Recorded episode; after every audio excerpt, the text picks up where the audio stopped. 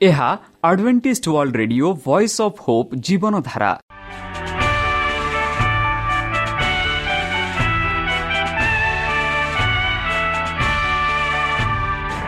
Odia radio କାର୍ଯ୍ୟକ୍ରମ ଯାହା ଆମର ଆନ୍ତର୍ଜାତୀୟ ଆଘାତ କେନ୍ଦ୍ରରୁ ପ୍ରସାରଣ କରାଯାଉଛି ପ୍ରତିଦିନ ରାତି ନଅଟା ତିରିଶ ମିନିଟ୍ରେ। ମୁଁ ସୁବ୍ରତ କୁମାର ପତି ପ୍ରେମର ସହ ଆପଣମାନଙ୍କୁ ଏହି କାର୍ଯ୍ୟକ୍ରମକୁ ସ୍ୱାଗତ କରୁଅଛି। ଚାଲନ୍ତୁ ଆଜିର ତିରିଶ ମିନିଟ୍ର କାର୍ଯ୍ୟକ୍ରମ ବିଷୟରେ ଜାଣିନେବା। ପ୍ରଥମେ ରଖିଛୁ ଆଧ୍ୟାତ୍ମିକ ଭକ୍ତିମୟ ଗୀତ। ଏହାପରେ ଶୁଣିବା ସ୍ୱାସ୍ଥ୍ୟ ବିଷୟରେ ଯାହା ଆମର ଦୈନିକ ଜୀବନରେ ଅତ୍ୟନ୍ତ ଜରୁରୀ। ଆଉ ପରିଶେଷରେ ଶୁଣିବା ପରମେଶ୍ୱରଙ୍କ ଭକ୍ତଙ୍କଠାରୁ ଜୀବନଦାୟକ ଈଶ୍ୱରଙ୍କ ବାକ୍ୟ। ପ୍ରିୟ ଶ୍ରୋତା ତାହେଲେ ଚାଲନ୍ତୁ ଶୁଣିବା ଏକ ଆଧ୍ୟାତ୍ମିକ ଭକ୍ତିମୟ ଗୀତ।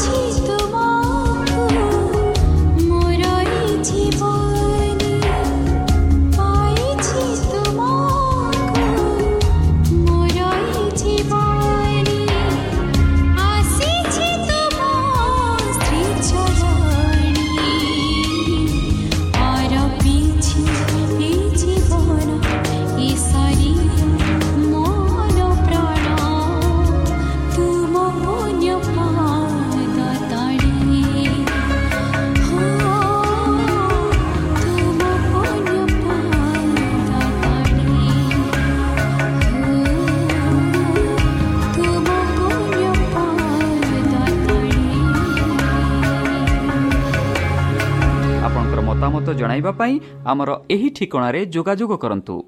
ଆମ ଠିକଣା Adventist media centre SDA mission compound Salisbury park Pune ଚାରି ଏକ ଏକ ଶୂନ ତିନି ସାତ ମହାରାଷ୍ଟ୍ର। ବା ଖୋଲନ୍ତୁ ଆମର ୱେବସାଇଟ୍ ଯେକୌଣସି android phone smartphone desktop laptop କିମ୍ବା ଟ୍ୟାବ୍ଲେଟ୍। ଆମର website W W W dot A W R dot O R G slash O R I ଏବଂ W W W dot Adventist media centre India dot O R G ବର୍ତ୍ତମାନ ଚାଲନ୍ତୁ ଶୁଣିବା ଈଶ୍ୱରଙ୍କ ଭକ୍ତଙ୍କଠାରୁ ଈଶ୍ୱରଙ୍କ ଜୀବନଦାୟକ ବାକ୍ୟ। ଯଦି ସେମାନେ ଜହନଙ୍କୁ ବିଶ୍ୱାସ କରିଥାନ୍ତେ ଭାଗ ଏକ। ନମସ୍କାର ପ୍ରିୟ ଶ୍ରୋତା ସେହି ସର୍ବଶକ୍ତି ସର୍ବଜ୍ଞାନୀ ପ୍ରେମର ସାଗର ଦୟାମୟ ଅନ୍ତର୍ଜମୀ ଅନୁଗ୍ରହ ପରମ ପିତାଙ୍କ ମଧୁର ନାମରେ ମୁଁ ପାଷ୍ଟ ପୂର୍ଣ୍ଣଚନ୍ଦ୍ର ଆଉ ଥରେ ଆପଣମାନଙ୍କୁ ଏହି କାର୍ଯ୍ୟକ୍ରମରେ ସ୍ୱାଗତ କରୁଅଛି। ସେହି ପରମ ପିତା ଆପଣମାନଙ୍କୁ ଆଶୀର୍ବାଦ କରନ୍ତୁ। ଆପଣଙ୍କୁ ସମସ୍ତ ପ୍ରକାର ଦୁଃଖ କଷ୍ଟ ବାଧା କ୍ଲେଶ ଓ ରୋଗରୁ ଦୂରେଇ ରଖୁ। ଶତ୍ରୁ ସଚେତନ ହସ୍ତରୁ ସେ ଆପଣମାନଙ୍କୁ ସୁରକ୍ଷାରେ ରଖନ୍ତୁ। ବିଶେଷ ଭାବରେ ବର୍ତ୍ତମାନ ଯେଉଁ କରୋନା ମହାମାରୀ ସାରା ପୃଥିବୀକୁ ଆପଣ ପ୍ରଭାବ ଦେଖାଉଅଛି ସେହି ପ୍ରଭାବରୁ ସେହି ପରମେଶ୍ୱର ଆପଣମାନଙ୍କୁ ସୁରକ୍ଷାରେ ରଖନ୍ତୁ। ତାହାଙ୍କ ପ୍ରେମ ତାହାଙ୍କ ସ୍ନେହ ତାହାଙ୍କ କୃପା ତାହାଙ୍କ ଶାନ୍ତି ଓ ତାହାଙ୍କ ଅନୁଗ୍ରହ ସଦାସର୍ବଦା ଆପଣଙ୍କଠାରେ ସହବର୍ତ୍ତୀ ରହୁ।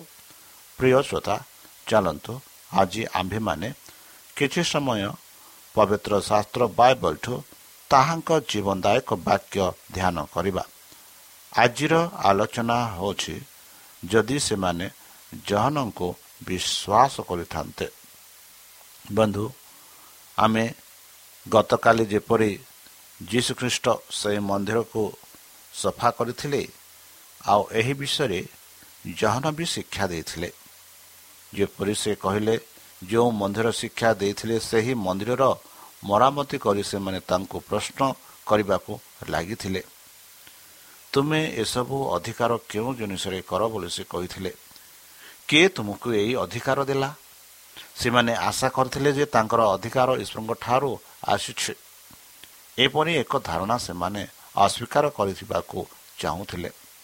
କିନ୍ତୁ ଯୀଶୁ ଅନ୍ୟ ଏକ ବିଷୟ ସହିତ ଏକ ପ୍ରଶ୍ନ ସହିତ ସେମାନଙ୍କୁ ଭେଟିଥିଲେ ଏବଂ ଏହି ପ୍ରଶ୍ନର ଉତ୍ତର ଉପରେ ସେ ସେମାନଙ୍କୁ ଉତ୍ତର ଦେଇ କହିଲେ ଜହନଙ୍କ ବାପ୍ତିସ୍ମ କେଉଁଠାରୁ ଆସିଥିଲା? ସ୍ୱର୍ଗରୁ ନା ମନୁଷ୍ୟମାନଙ୍କ ଠାରୁ ପୁରୋହିତମାନେ ଦେଖିଲେ ଯେ ସେମାନେ ଏକ ଦ୍ୱନ୍ଦ୍ୱରେ ଅଛନ୍ତି। ଯେଉଁଥିରୁ କୌଣସି କୋଶିଶ ସେମାନଙ୍କୁ ବାହାର କରିପାରିବ ନାହିଁ। ଯଦି ସେମାନେ କହିଥିଲେ ଯେ ଜହନଙ୍କ ବାପ୍ତିସ୍ମ ସ୍ୱର୍ଗରୁ ଆସିଛି ତେବେ ସେମାନଙ୍କ ଅସଙ୍ଗୀତ ସ୍ପଷ୍ଟ ହୋଇଯିବ। ପୃଷ୍ଠ କହିବେ ତୁମେ କାହିଁକି ତାଙ୍କ ଉପରେ ବିଶ୍ୱାସ କରିନାହାନ୍ତି? ଜହନ ଖ୍ରୀଷ୍ଟଙ୍କ ବିଷୟରେ ସାକ୍ଷ୍ୟ ଦେଇ କହିଥିଲେ ଦେଖ ଈଶ୍ୱରଙ୍କ ମେଷ ଶାବକ ଯାହା ଜଗତର ପାପ ଦୂର କରେ ଏହିପରି ଜହନରେ ଜହନ ପ୍ରକାଶିତ କରିଥିଲା। ଯଦି ଯାଜକମାନେ ଜହନଙ୍କ ସାକ୍ଷ୍ୟକୁ ବିଶ୍ୱାସ କଲେ ସେମାନେ କିପରି ଖ୍ରୀଷ୍ଟଙ୍କ ଖ୍ରୀଷ୍ଟ ଧର୍ମକୁ ଅସ୍ୱୀକାର କରିପାରିବେ? ଯଦି ସେମାନେ ସେମାନଙ୍କ ପ୍ରକୃତ ବିଶ୍ୱାସ ଘୋଷଣା କଲେ ଯେ ଜହନଙ୍କ ସେବା ମନୁଷ୍ୟର ତେବେ ସେମାନେ ନିଜ ଉପରେ କ୍ରୋଧିତ ଆଣିବେ। କାରଣ ଲୋକମାନେ ଜହନଙ୍କୁ ଗ୍ରହଣ ଭବିଷ୍ୟତ ଭକ୍ତା ବୋଲି ବିଶ୍ୱାସ କରୁଥିଲେ। ପ୍ରବଳ ଆଗ୍ରହ ସହିତ ଜନତା ଏହି ନିଷ୍ପତ୍ତିକୁ ଅପେକ୍ଷା କରିଥିଲେ। ସେମାନେ ଜାଣିଥିଲେ ଯେ ଯାଜକମାନେ ଜହନଙ୍କ ସେବା ଗ୍ରହଣ କରିବାକୁ ସ୍ୱୀକାର କରିଛନ୍ତି ଏବଂ ସେମାନେ ଈଶ୍ୱରଙ୍କ ଠାରୁ ପଠାଯାଇଥିବା ପ୍ରଶ୍ନ ବିନା ସେମାନେ ସ୍ୱୀକାର କରିବେ ବୋଲି ଆଶା କରିଥିଲେ। କିନ୍ତୁ ଗୁପ୍ତ ଭାବରେ ଏକତ୍ର ଆଲୋଚନା କରିବା ପରେ ପୁରୋହିତମାନେ ନିଜକୁ ନ କରିବାକୁ ସ୍ଥିର କଲେ କପଟି ଭାବରେ ଅଜ୍ଞତାକୁ ସ୍ୱୀକାର କରି ସେମାନେ କହିଥିଲେ ଆମେ କହିପାରିବୁ ନାହିଁ। ଖ୍ରୀଷ୍ଟ କହିଛନ୍ତି ମୁଁ ତୁମକୁ କହେ ନାହିଁ କେଉଁ ଅଧିକାର ଦ୍ୱାରା ମୁଁ ଏହିସବୁ କରେ? ଶାସ୍ତ୍ରୀ ପୁରୋହିତ ଏବଂ ଶାସକମାନେ ସମସ୍ତେ ନିରବ ରହିଲେ ବିବ୍ରତ ଏବଂ ନିରାଶ ହୋଇ ସେମାନେ ବ୍ରାଉଜ୍ କମ୍ କରି ଠିଆ ହେଲେ। କୃଷ୍ଣଙ୍କ ପରେ ଅଧିକ ପ୍ରଶ୍ନ ଦବାଇବାକୁ ସାହସ କଲେ ନାହିଁ। ସେମାନଙ୍କ ଭୟଭୀତତା ଏବଂ ଅନିର୍ଦ୍ଦିଷ୍ଟତା ଦ୍ୱାରା ସେମାନେ ବହୁ ପରିମାଣରେ ଲୋକଙ୍କ ସମ୍ମାନ ହରାଇଲେ। ଯେଉଁମାନେ ବର୍ତ୍ତମାନ ଠିଆ ହୋଇଥିଲେ ଏହି ଗର୍ଭୀ ଆତ୍ମା ଧାର୍ମିକ ବ୍ୟକ୍ତିମାନଙ୍କୁ ପରାସ୍ତ କରି ଦେଖି ଆଶ୍ଚର୍ଯ୍ୟ ହୋଇଗଲେ। କୃଷ୍ଣଙ୍କର ଏହି ସମସ୍ତ ବାକ୍ୟ ଏବଂ କାର୍ଯ୍ୟଗୁଡ଼ିକ ଗୁରୁତ୍ୱପୂର୍ଣ୍ଣ ଥିଲା ଏବଂ ସେମାନଙ୍କର ପ୍ରଭାବ କୃଷବିଦ୍ଧ ହେବା ଏବଂ ଆରୋହଣ ପରେ କ୍ରମାଗତ ଭାବରେ ବୃଦ୍ଧି ପାଇବାକୁ ଲାଗିଲା। ଯେଉଁମାନେ ଯୀଶୁଙ୍କ ପ୍ରଶ୍ନର ଫଳାଫଳକୁ ଉକ୍ତାଣ୍ଡ ସହ ଅପେକ୍ଷା କରିଥିଲେ ସେମାନଙ୍କ ମଧ୍ୟରୁ ଅନେକ ଶେଷରେ ତାଙ୍କ ଶିଷ୍ୟ ହେବାକୁ ଲାଗିଲେ। ସେହି ଘଟଣାରେ ପ୍ରଥମ ତାଙ୍କ ବାକ୍ୟ ଦ୍ୱାରା ତାଙ୍କ ଆଡ଼କୁ ଆକର୍ଷିତ ହେଲେ। ବନ୍ଧୁ ମନ୍ଦିର କୋର୍ଟରେ ଥିବା ଦୃଶ୍ୟ ସେମାନଙ୍କ ମନରୁ କେବେ ବି ଲୋପ ପାଇବ ନାହିଁ। ଯୀଶୁ ଏବଂ ମହାଯାଜକ ଏକତ୍ର କଥାବାର୍ତ୍ତା କଲାବେଳେ ପାର୍ଥକ୍ୟ ଚିହ୍ନ ତ ହେଲା ମନ୍ଦିର ଗର୍ଭୀ ମାନ୍ୟଗଣ୍ୟ ଧନୀ ଏବଂ ମହଙ୍ଗା ପୋଷାକ ପିନ୍ଧିଥିଲେ। ତାଙ୍କ ମୁଣ୍ଡ ଉପରେ ଏକ ଚମତ୍କାରୀ ମୁକୁଟ ଥିଲା। ତାଙ୍କର ଭାରି ମହାନ ଥିଲା। କେଶ ଏବଂ ଲମ୍ବା ପ୍ରବାହିତ ବୟସ ଅନୁଆୟୀ ରୂପା ହୋଇଯାଇଥିଲା। ତାଙ୍କର ରୂପ ଦର୍ଶକକୁ ଭୟଭୀତ କଲା। ଏହି ଅଗଷ୍ଟ ବ୍ୟକ୍ତିତ୍ୱ ପୂର୍ବରୁ ସ୍ୱର୍ଗର ମହିମା ଶୋଭା କିମ୍ବା ପ୍ରଦର୍ଶନ ବିନା ଠିଆ ହୋଇଥିଲେ। ତାଙ୍କର ବସ୍ତ୍ର ବ୍ରହ୍ମାଣ୍ଡ ଦ୍ୱାରା ଦାଗ ଥିଲା। ତାଙ୍କ ଚେହେରା ଫିକା ଏବଂ ରୋଗୀ ଦୁଃଖ ପ୍ରକାଶ କଲେ। ତଥାପି ଦେଖାଯାଉଥିଲା ସେଠାରେ ସମ୍ମାନ ଏବଂ ଦୟା ଥିଲା ଯାହା ମହାଜାଜଙ୍କ ଗର୍ଭିତ ଆତ୍ମବିଶ୍ୱାସୀ ଏବଂ କ୍ରୋଧିତ ବାୟୁ ସହିତ ଅଭୂତ ଭାବରେ ଭିନ୍ନ ଥିଲା। ବନ୍ଧୁ। ସେହି ଦିନଠାରୁ ଯେଉଁମାନେ ମନ୍ଦିରରେ ଯୀଶୁଙ୍କ ବାକ୍ୟ କାର୍ଯ୍ୟରେ ସାକ୍ଷୀ ଥିଲେ ସେମାନଙ୍କ ମଧ୍ୟରୁ ଅନେକ ଈଶ୍ୱରଙ୍କ ଭବିଷ୍ୟତ ଭକ୍ତା ଭାବରେ ସେମାନଙ୍କ ହୃଦୟରେ ଦୃଢ଼ ହୋଇଥିଲେ। କିନ୍ତୁ ଯେହେତୁ ଲୋକପ୍ରିୟ ଅନୁଭବ ତାଙ୍କ ସପକ୍ଷରେ ଗଲା କୃଷ୍ଣଙ୍କ ପ୍ରତି ଯାଜକମାନଙ୍କ ଘୃଣା ବଢ଼ିଗଲା। ଯେଉଁ ଜ୍ଞାନ ଦ୍ୱାରା ସେ ତାଙ୍କ ପାଦ ପାଇଁ ନିର୍ମିତ ପାନ୍ଧରୁ ରକ୍ଷା ପାଇଲେ ତାଙ୍କର ଈଶ୍ୱରଙ୍କ ଏକ ନୂତନ ପ୍ରମାଣ ହୋଇ ସେମାନଙ୍କ କ୍ରୋଧରେ ଇନ୍ଧନ ଯୋଗାଇଲେ। କିନ୍ତୁ ଯେହେତୁ ଲୋକପ୍ରିୟ ଅନୁଭବ ତାଙ୍କ ସପକ୍ଷରେ ଗଲା ଯୀଶୁଙ୍କ ପ୍ରତି ଯାଜକମାନଙ୍କ ଘୃଣା ବଢ଼ିଲା।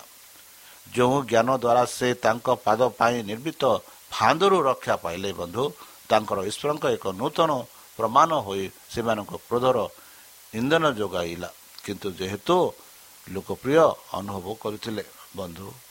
ରାବଣମାନେ ସହିତ ତାଙ୍କର ପ୍ରତିଯୋଗିତାରେ ତାଙ୍କ ବିରୋଧୀକୁ ଅପମାନିତ କରି କୃଷ୍ଣଙ୍କ ଉଦ୍ଦେଶ୍ୟ ନୁହେଁ। ସେ ସେମାନଙ୍କୁ କଠିନ ସ୍ଥାନରେ ରଖି ଖୁସି ନଥିଲେ।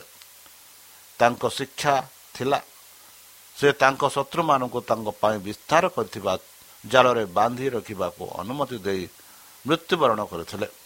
ଜହନଙ୍କ ବାପ୍ତିସ୍ମର ଚରିତ୍ର ବିଷୟରେ ସେମାନଙ୍କ ସ୍ୱୀକୃତି ପ୍ରାପ୍ତ ହୋଇଛନ୍ତି ତାଙ୍କ କହିବାର ସୁଯୋଗ ଦେଇଥିଲା ଏବଂ ସେ ସେମାନଙ୍କ ସମ୍ମୁଖରେ ସେମାନଙ୍କ ପ୍ରକୃତ ସ୍ଥିତି ଉପସ୍ଥାପନ କରି ସୁଯୋଗକୁ ଉନ୍ନତ କଲେ।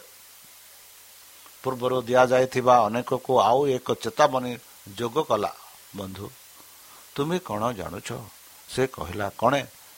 ଜଣେ ନିର୍ଦ୍ଦିଷ୍ଟ ଲୋକଙ୍କ ଦୁଇଟି ପୁତ୍ର ଥିଲେ। ସେ ପ୍ରଥମ ନିକଟକୁ ଆସି କହିଲେ ପୁତ୍ର ଆଜି ମୋର ଦ୍ରାକ୍ଷା କ୍ଷେତ୍ରରେ କାମ କର। ସେ ଉତ୍ତର ଦେଲେ ମୁଁ କରିବି ନାହିଁ। କିନ୍ତୁ ପରେ ସେ ଅନୁତାପ କରି ଚାଲିଗଲେ ଏବଂ ଦ୍ୱିତୀୟକୁ ଆସିଲେ। ସେ ଉତ୍ତର ଦେଲେ ମୁଁ ଯାଏ। ମହାଶୟ କିନ୍ତୁ ଯାଇ ନଥିଲା ସେମାନଙ୍କ ମଧ୍ୟରୁ ଦୁଇ ଜଣ ତାଙ୍କ ପିତାଙ୍କୁ ଇଚ୍ଛା କରିଛନ୍ତି କି? ଏକ ଆକସ୍ମିକ ପ୍ରଶ୍ନ ତାଙ୍କ ଶ୍ରୋତାମାନଙ୍କୁ ସେମାନଙ୍କ ରାକ୍ଷୀରୁ ବାହାର କରିଦେଲା।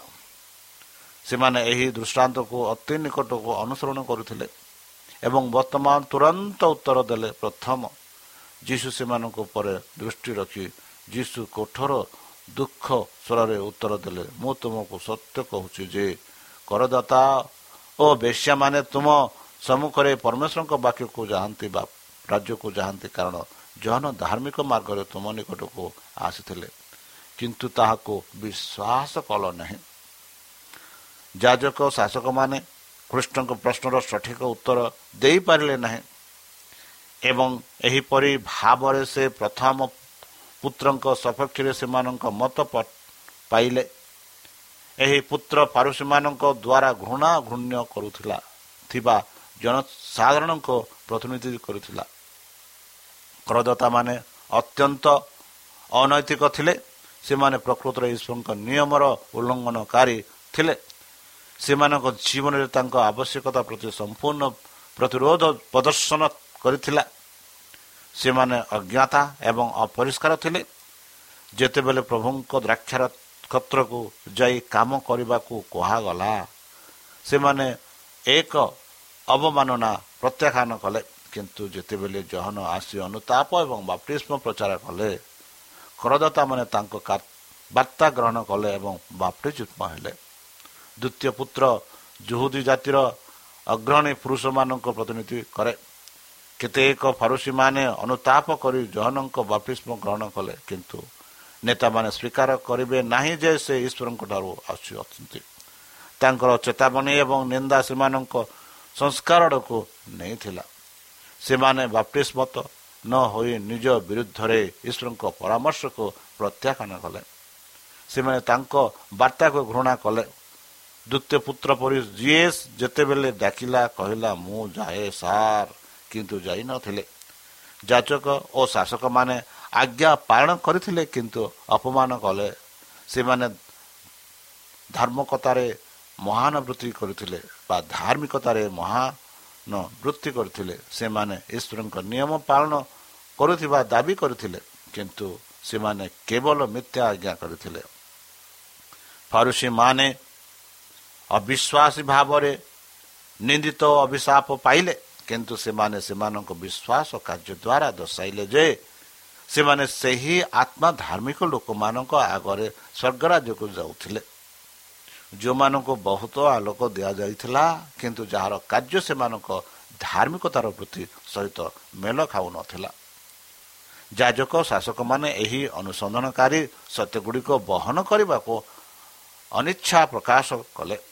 ସେମାନେ ଚୁପ୍ ରହିଲେ କିନ୍ତୁ ଆଶା କରୁଥିଲେ ଯେ ଯୀଶୁ ଏପରି କିଛି କହିବେ ଯାହାକୁ ସେମାନେ ତାଙ୍କ ବିରୁଦ୍ଧରେ ଯାଇପାରନ୍ତି କିନ୍ତୁ ସେମାନଙ୍କୁ ଅଧିକ ସହିବାକୁ ପଡ଼ିଲା। ବନ୍ଧୁ ଅନ୍ୟ ଏକ ଦୃଷ୍ଟାନ୍ତ ଶୁଣ। ଖ୍ରୀଷ୍ଟ କହିଲେ ସେଠାରେ ଜଣେ ନିର୍ଦ୍ଦିଷ୍ଟ ଘର ମାଲିକ ଥିଲେ। ଯିଏ ଦ୍ରାକ୍ଷ କ୍ଷେତ୍ର ରୋପଣ କରି ଏହାର ଚତୁର୍ଥ ଦିଗରେ ଘେରି ରହିଲେ ଏବଂ ସେଥିରେ ଏକ ଦ୍ରାକ୍ଷାରସ ଖୋଲିଲେ ଏବଂ ଏକ ଗଡ଼ ନିର୍ମାଣ କଲେ। ଏବଂ ତାହା କୃଷକମାନଙ୍କ ନିକଟକୁ ପଠାଇଲେ ଦୂରଦେଶ।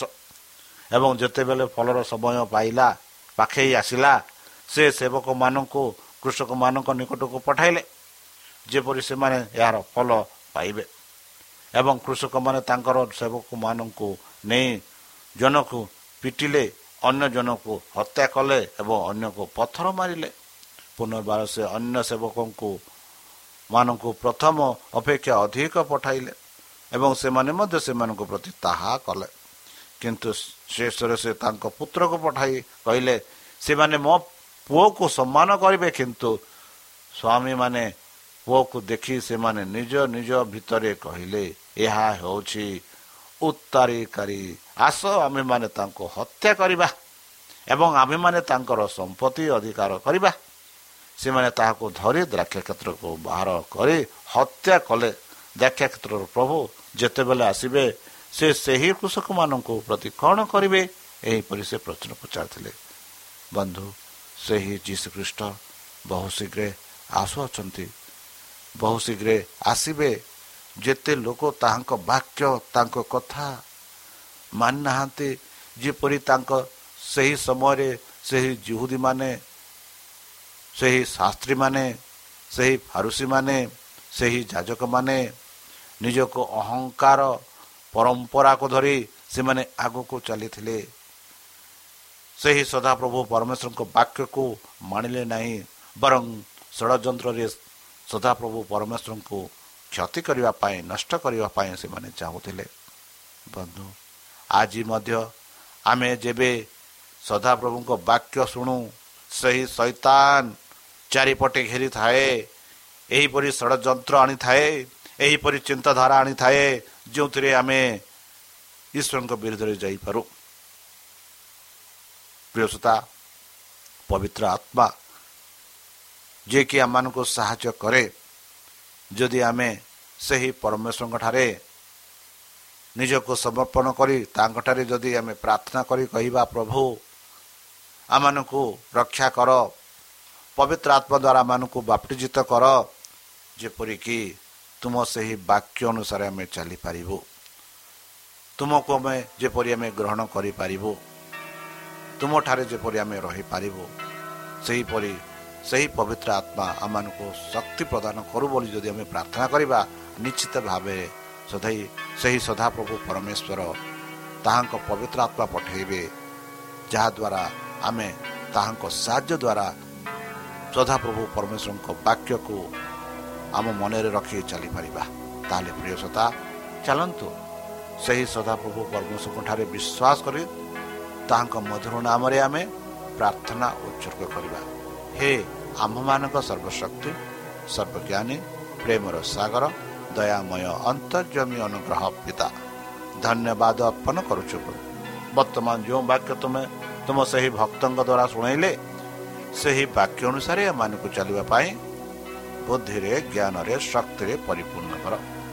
ଆମ ପାପ ସବୁ ତୁମ ସେହି ବହୁମୂଲ୍ୟ ରକ୍ତରେ ପରିଷ୍କାର କରିଦେଇ ଦିଅ ଆଉ ପରିଶେଷ ଯେବେ ତୁମେ ତୁମ ସେହି ସହସ୍ର ଦୂତଙ୍କ ସହ ଆପଣା ସାଧୁମାନଙ୍କୁ ସଂଗ୍ରହ କରିବା ନିମନ୍ତେ ଆସିବେ ହେ ପରମେଶ୍ୱର ସେଥିବେଳେ ଆମମାନଙ୍କୁ ସ୍ମରଣ କର ବୋଲି ତ୍ରାଣକର୍ତ୍ତା ପ୍ରଭୁ ଯୀଶୁଙ୍କ ମଧୁରମୟ ନାମରେ ଏହି ଛୋଟ ବିକ୍ଷମ ଅଛି ଶୁନି ଗ୍ରହଣ କର।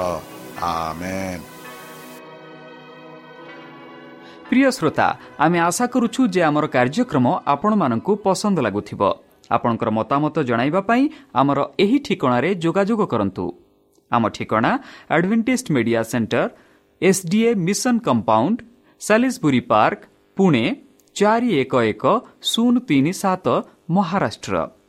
ବା ଖୋଲନ୍ତୁ ଆମର ୱେବସାଇଟ୍ ଯେକୌଣସି android phone smartphone desktop laptop କିମ୍ବା ଟ୍ୟାବ୍ଲେଟ୍ ଆମର website W W W dot A W R dot O R G slash O R I ଏବଂ W W W dot Adventist media centre India dot O R G Adventist media centre ଇଣ୍ଡିଆର spelling ହେଉଛି A D V E N T I S T M E D I A C E N T R E I N D I A ଅଥବା download କରନ୍ତୁ ଆମର mobile app ଆପଣଙ୍କର mobile play ଷ୍ଟୋରକୁ ଯାଆନ୍ତୁ ଆଉ type କରନ୍ତୁ the voice of hope ଆଉ download କରନ୍ତୁ ଈଶ୍ୱର ଆପଣଙ୍କୁ ଆଶୀର୍ବାଦ କରନ୍ତୁ ଧନ୍ୟବାଦ